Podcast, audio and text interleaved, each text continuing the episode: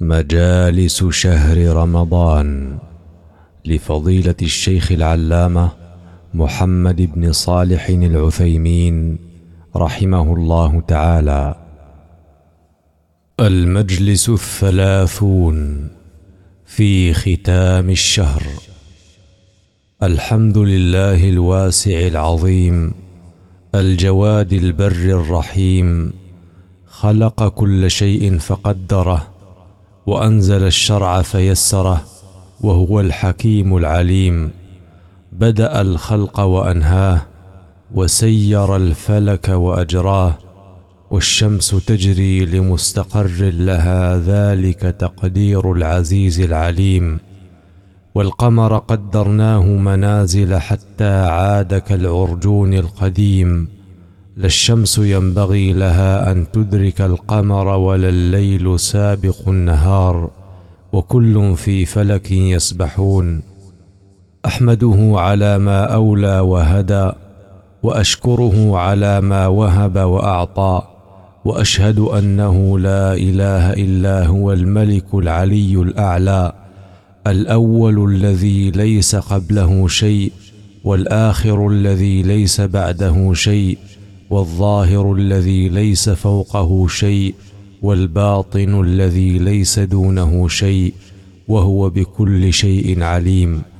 وأشهد أن محمدا عبده ورسوله المصطفى على المرسلين صلى الله عليه وعلى صاحبه أبي بكر أفضل الصديقين وعلى عمر المعروف بالقوة في الدين وعلى عثمان المقتول ظلما بأيدي المجرمين وعلى علي أقربهم نسبا على اليقين وعلى جميع آله وأصحابه والتابعين لهم بإحسان إلى يوم الدين وسلم تسليما. إخواني إن شهر رمضان قرب رحيله وأزف تحويله وإنه شاهد لكم أو عليكم بما أودعتموه من الأعمال. فمن أودعه عملا صالحا فليحمد الله على ذلك وليبشر بحسن الثواب. فإن الله لا يضيع أجر من أحسن عملا. ومن أودعه عملا سيئا فليتب إلى ربه توبة نصوحا. فإن الله يتوب على من تاب. ولقد شرع الله لكم في ختام شهركم عبادات تزيدكم من الله قربا وتزيد في إيمانكم قوة وفي سجل أعمالكم حسنات. فشرع الله لكم زكاة الفطر وتقدم الكلام عليها مفصلا. وشرع لكم التكبير عند إكمال العدة من غروب الشمس ليلة العيد إلى صلاة العيد. قال الله تعالى ولتكملوا العدة ولتكبروا الله على ما هداكم ولعلكم تشكرون. وصفته أن يقول الله أكبر الله أكبر لا إله إلا الله والله أكبر الله أكبر ولله الحمد. ويسن جهر الرجال به في المساجد والأسواق والبيوت إعلانا بتعظيم الله وإظهارا لعبادته وشكره. ويسر به النساء لأنهن مأمورات بالتستر والإصرار بالصوت. ما أجمل حال الناس وهم يكبرون الله تعظيما وإجلالا في كل مكان عند انتهاء شهر صومهم. يملؤون الآفاق تكبيرا وتحميدا وتهليلا يرجون رحمة الله ويخافون عذابه. وشرع الله سبحانه لعباده صلاة العيد يوم العيد وهي من تمام ذكر الله عز وجل. أمر رسول الله صلى الله عليه وسلم بها أمته رجالا ونساء وأمره مطاع لقوله تعالى يا أيها الذين آمنوا أطيعوا الله وأطيعوا الرسول ولا تبطلوا أعمالكم. وقد أمر النبي صلى الله عليه وسلم النساء أن يخرجن إلى صلاة العيد مع أن البيوت خير لهن فيما عدا هذه الصلاة وهذا دليل على تأكيدها. قالت أم عطية رضي الله عنها أمرنا رسول الله صلى الله عليه وسلم أن نخرجهن في الفطر والأضحى العواتق والحيض وذوات الخدور. فأما الحيض فيعتزلن المصلى ويشهدن الخير ودعوة المسلمين. قلت يا رسول الله إحدانا لا يكون لها جلباب. قال لتلبسها أختها من جلبابها. متفق عليه. الجلباب لباس تلتحف فيه المرأة بمنزلة العباءه ومن السنة أن يأكل قبل الخروج إلى الصلاة في عيد الفطر تمرات وترا ثلاثا أو خمسا أو أكثر من ذلك يقطعها على وتر. لقول أنس بن مالك رضي الله عنه كان النبي صلى الله عليه وسلم لا يغدو يوم الفطر حتى يأكل تمرات ويأكلهن وترا. رواه أحمد والبخاري. ويخرج ماشيا لا راكبا إلا من عذر كعجز وبعد لقول علي بن أبي طالب رضي الله عنه من السنة أن يخرج إلى العيد ماشيا. رواه الترمذي وقال حديث حسن. ويسن للرجل أن يتجمل ويلبس أحسن ثيابه لما في صحيح البخاري عن عبد الله بن عمر رضي الله عنهما قال أخذ عمر جبة من استبرق أي حرير تباع في السوق فأتى بها رسول الله صلى الله عليه وسلم فقال يا رسول الله ابتع هذه يعني اشترها. تجمل بها للعيد والوفود. فقال له رسول الله صلى الله عليه وسلم إنما هذه لباس من لا خلاق له وإنما قال ذلك لكونها حريرا ولا يجوز للرجل أن يلبس شيئا من الحرير أو شيئا من الذهب لأنهما حرام على الذكور من أمة محمد صلى الله عليه وسلم. وأما المرأة فتخرج إلى العيد لا متجملة ولا متطيبة ولا متبرجة ولا سافرة لأنها مأمورة بالتستر منهية عن التبرج بالزينة وعن التطيب حال الخروج. ويؤدي الصلاة بخشوع وحضور قلب ويكثر من ذكر الله ودعائه ويرجو رحمته ويخاف عذابه. ويتذكر باجتماع الناس في الصلاة على صعيد المسجد اجتماع الناس في المقام الأعظم بين يدي الله عز وجل في صعيد يوم القيامة. ويرى إلى تفاضلهم في هذا المجتمع فيتذكر به التفاضل الأكبر في الآخرة. قال الله تعالى انظر كيف فضلنا بعضهم على بعض وللآخرة أكبر درجات وأكبر تفضيلا.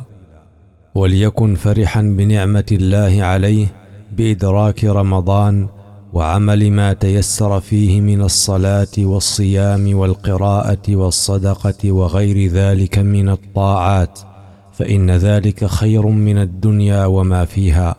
قل بفضل الله وبرحمته فبذلك فليفرحوا هو خير مما يجمعون فإن صيام رمضان وقيامه إيمانا واحتسابا من أسباب مغفرة الذنوب والتخلص من الآثام فالمؤمن يفرح بإكماله الصوم والقيام لتخلصه به من الآثام وضعيف الإيمان يفرح بإكماله لتخلصه من الصيام الذي كان ثقيلا عليه ضائقا به صدره والفرق بين الفرحتين عظيم. إخواني إنه وإن انقضى شهر رمضان فإن عمل المؤمن لا ينقضي قبل الموت.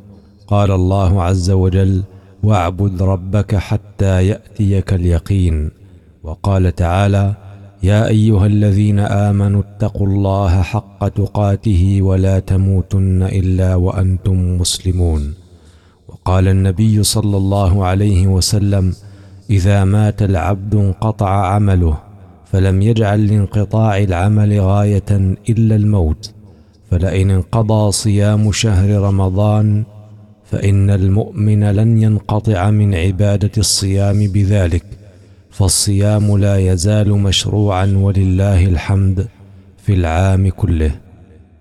ففي صحيح مسلم من حديث أبي أيوب الأنصاري رضي الله عنه أن النبي صلى الله عليه وسلم قال من صام رمضان ثم أتبعه ستا من شوال كان كصيام الدهر وصيام ثلاثة أيام من كل شهر قال فيها النبي صلى الله عليه وسلم ثلاث من كل شهر ورمضان إلى رمضان فهذا صيام الدهر كله. رواه أحمد ومسلم.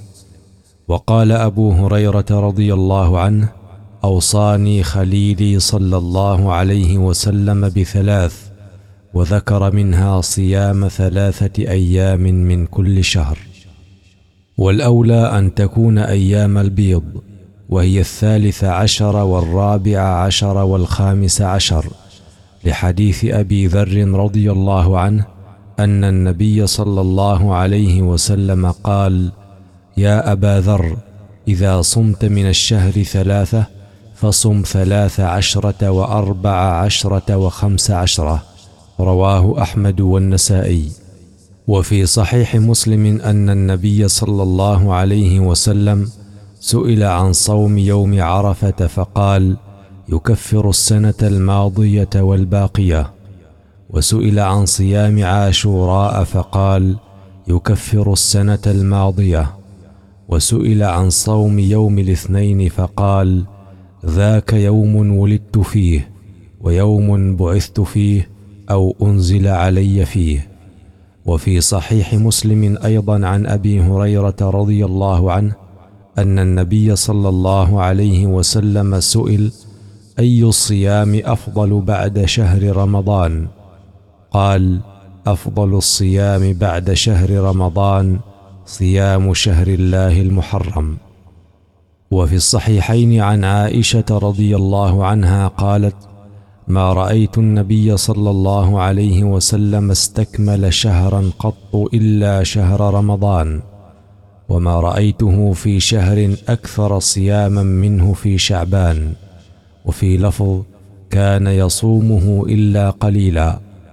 وعنها رضي الله عنها قالت كان النبي صلى الله عليه وسلم يتحرى صيام الاثنين والخميس. رواه الخمسة إلا أبا داود فهو له من حديث أسامة بن زيد. وعن أبي هريرة رضي الله عنه أن النبي صلى الله عليه وسلم قال تعرض الأعمال يوم الاثنين والخميس فأحب أن يعرض عملي وأنا صائم. رواه الترمذي.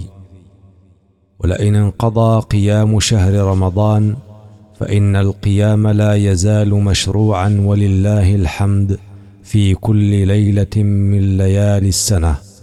ثابتا من فعل رسول الله صلى الله عليه وسلم وقوله ففي صحيح البخاري عن المغيرة بن شعبة رضي الله عنه قال إن كان النبي صلى الله عليه وسلم ليقوم أو ليصلي حتى ترم قدماه فيقال له فيقول أفلا أكون عبدا شكورا؟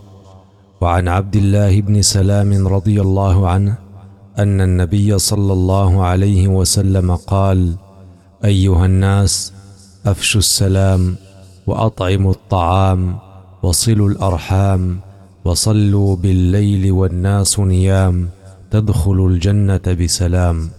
رواه الترمذي وقال حسن صحيح.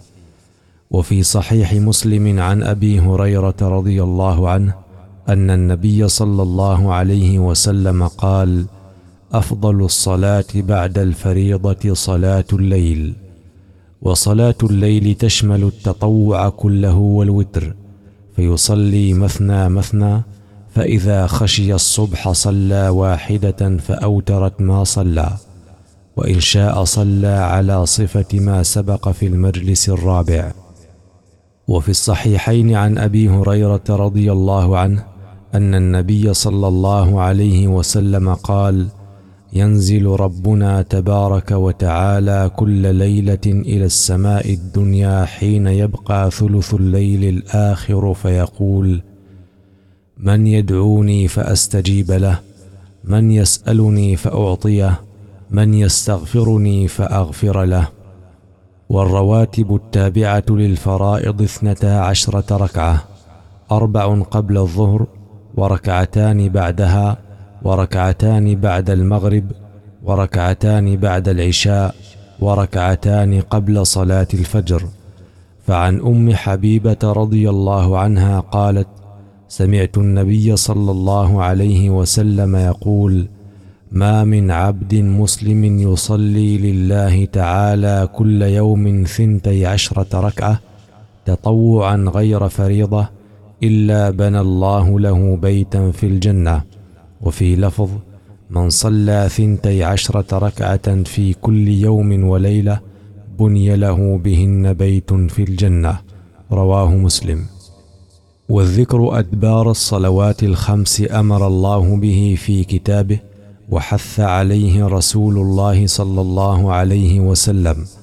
قال الله تعالى فإذا قضيتم الصلاة فاذكروا الله قياما وقعودا وعلى جنوبكم وكان النبي صلى الله عليه وسلم إذا سلم استغفر ثلاثا وقال اللهم أنت السلام ومنك السلام تباركت يا ذا الجلال والإكرام.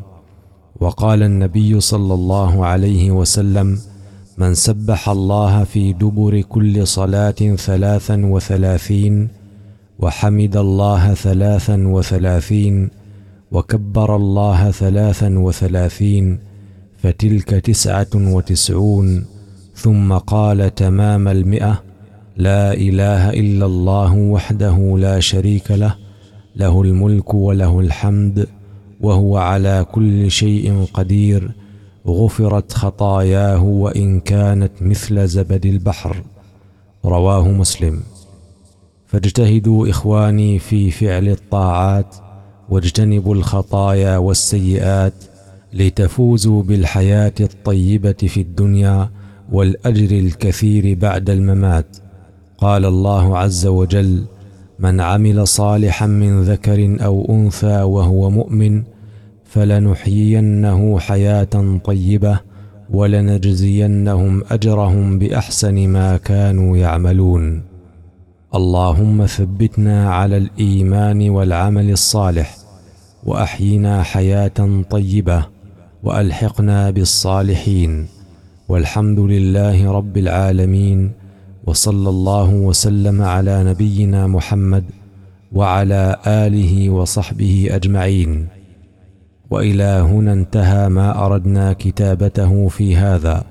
نسأل الله أن يجعل عملنا خالصا لوجهه ومقربا إليه ونافعا لعباده وأن يتولانا في الدنيا والآخرة ويهدينا لما اختلف فيه من الحق بإذنه إنه يهدي من يشاء إلى صراط مستقيم.